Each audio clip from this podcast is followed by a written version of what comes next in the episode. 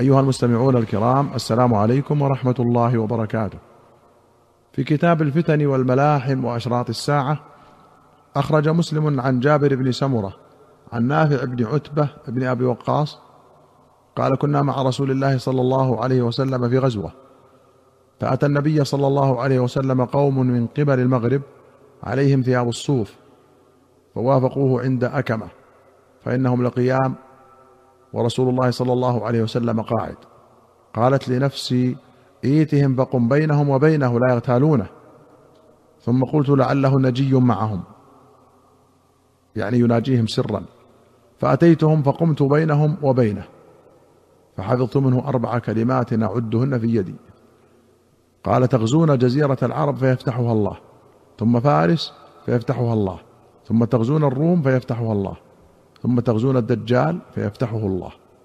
قال نافع يا جابر لا نرى الدجال يخرج حتى تفتح الروم. وأخرج مسلم عن فاطمة بنت قيس رضي الله عنها قالت سمعت منادي رسول الله صلى الله عليه وسلم ينادي الصلاة جامعة. فخرجت إلى المسجد فصليت مع رسول الله صلى الله عليه وسلم فكنت في صف النساء التي تلي ظهور القوم. فلما قضى رسول الله صلى الله عليه وسلم صلاته جلس على المنبر وهو يضحك. فقال ليلزم كل إنسان مصلاه. ثم قال أتدرون لما جمعتكم؟ قالوا الله ورسوله أعلم. قال إني والله ما جمعتكم لرغبة ولا لرهبة ولكن جمعتكم لأن تميما الداري كان رجلا نصرانيا فجاء فبايع وأسلم. وحدثني حديثا وافق الذي كنت أحدثكم عن المسيح الدجال.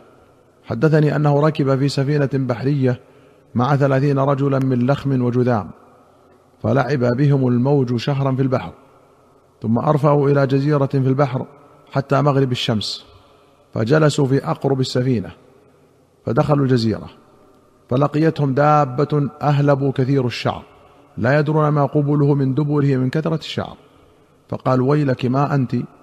قالت أنا الجساسة. قالوا وما الجساسة؟ قالت أيها القوم انطلقوا إلى هذا الرجل الذي في الدير فإنه إلى خبركم بالأشواق.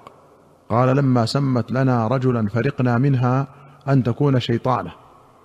فانطلقنا سراعا حتى دخلنا الدير فإذا فيه أعظم إنسان رأيناه قط خلقا وأشده وثاقا مجموعة يداه إلى عنقه.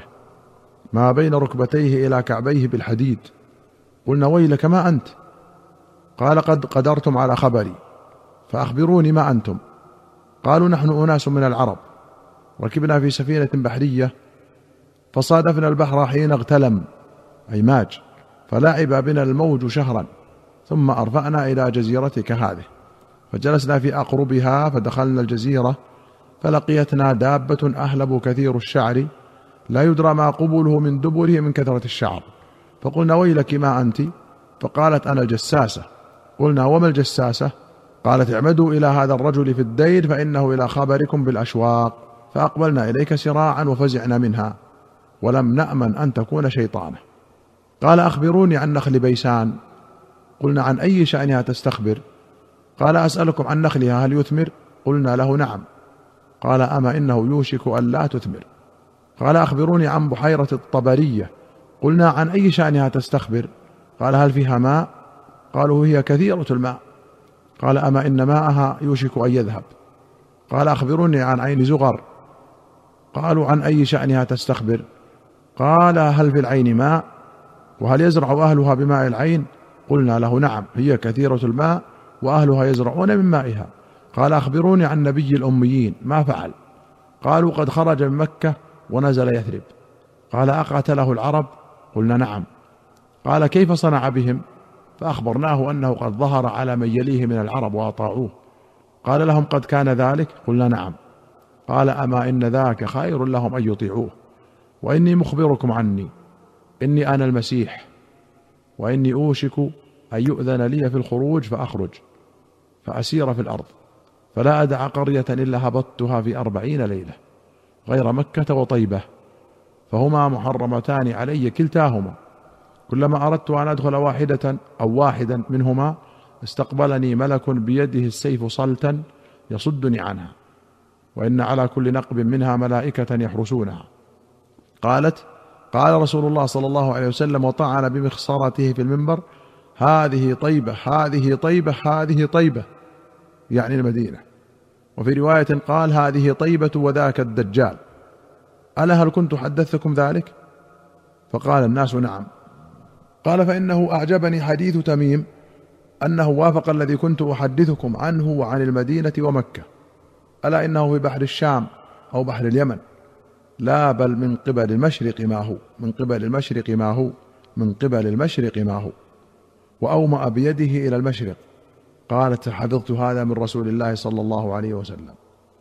هذا الحديث معدود في مناقب تميم الداري رضي الله عنه لأن النبي صلى الله عليه وسلم روى عنه هذه القصة. وفيه قبول خبر الواحد. وقوله الصلاة جامعة بنصب الصلاة على الإغراء ونصب جامعة على الحال. وقوله ارفانا سفينتها أي أرسيناها ومنه المرفأ. وأقرب السفينة هي سفينة صغيرة تكون مع الكبيرة يتصرف فيها الركاب لقضاء حوائجهم. وقيل المراد بأقرب السفينة أخرياتها وما قرب منها للنزول. وقوله ارفأوا إلى جزيرة أي التجأوا إليها. والأهلب غليظ الشعر كثير. وقوله فرقنا منها أي خفنا. وبيسان قال ياقوت الحموي مدينة بالأردن بالغور الشامي بين حوران وفلسطين. وزغر بوزن عمر بلدة بمشارف الشام بها عين تغور آخر الزمان. وبحيرة طبرية في طرف غور الأردن بينها وبين دمشق ثلاثة أيام. وكذلك بينها وبين بيت المقدس.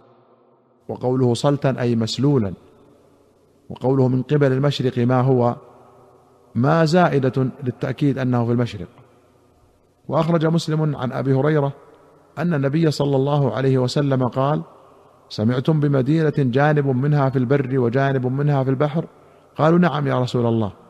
قال لا تقوم الساعة حتى يغزوها سبعون الفا من بني إسحاق. فإذا جاءوها نزلوا فلم يقاتلوا بسلاح ولم يرموا بسهم. قالوا لا إله إلا الله والله أكبر فيسقط أحد جانبيها. قال ثور بن يزيد لا أعلمه إلا قال الذي في البحر. ثم يقولون الثانية لا إله إلا الله والله أكبر فيسقط جانبها الآخر. ثم يقولون الثالثة لا إله إلا الله والله أكبر فيفرج لهم فيدخلونها فيغنمون. فبينما هم يقتسمون المغانم إذ جاءهم الصريخ فقال إن الدجال قد خرج فيتركون كل شيء ويرجعون. قال النووي قال القاضي كذا في جميع أصول صحيح مسلم من بني إسحاق.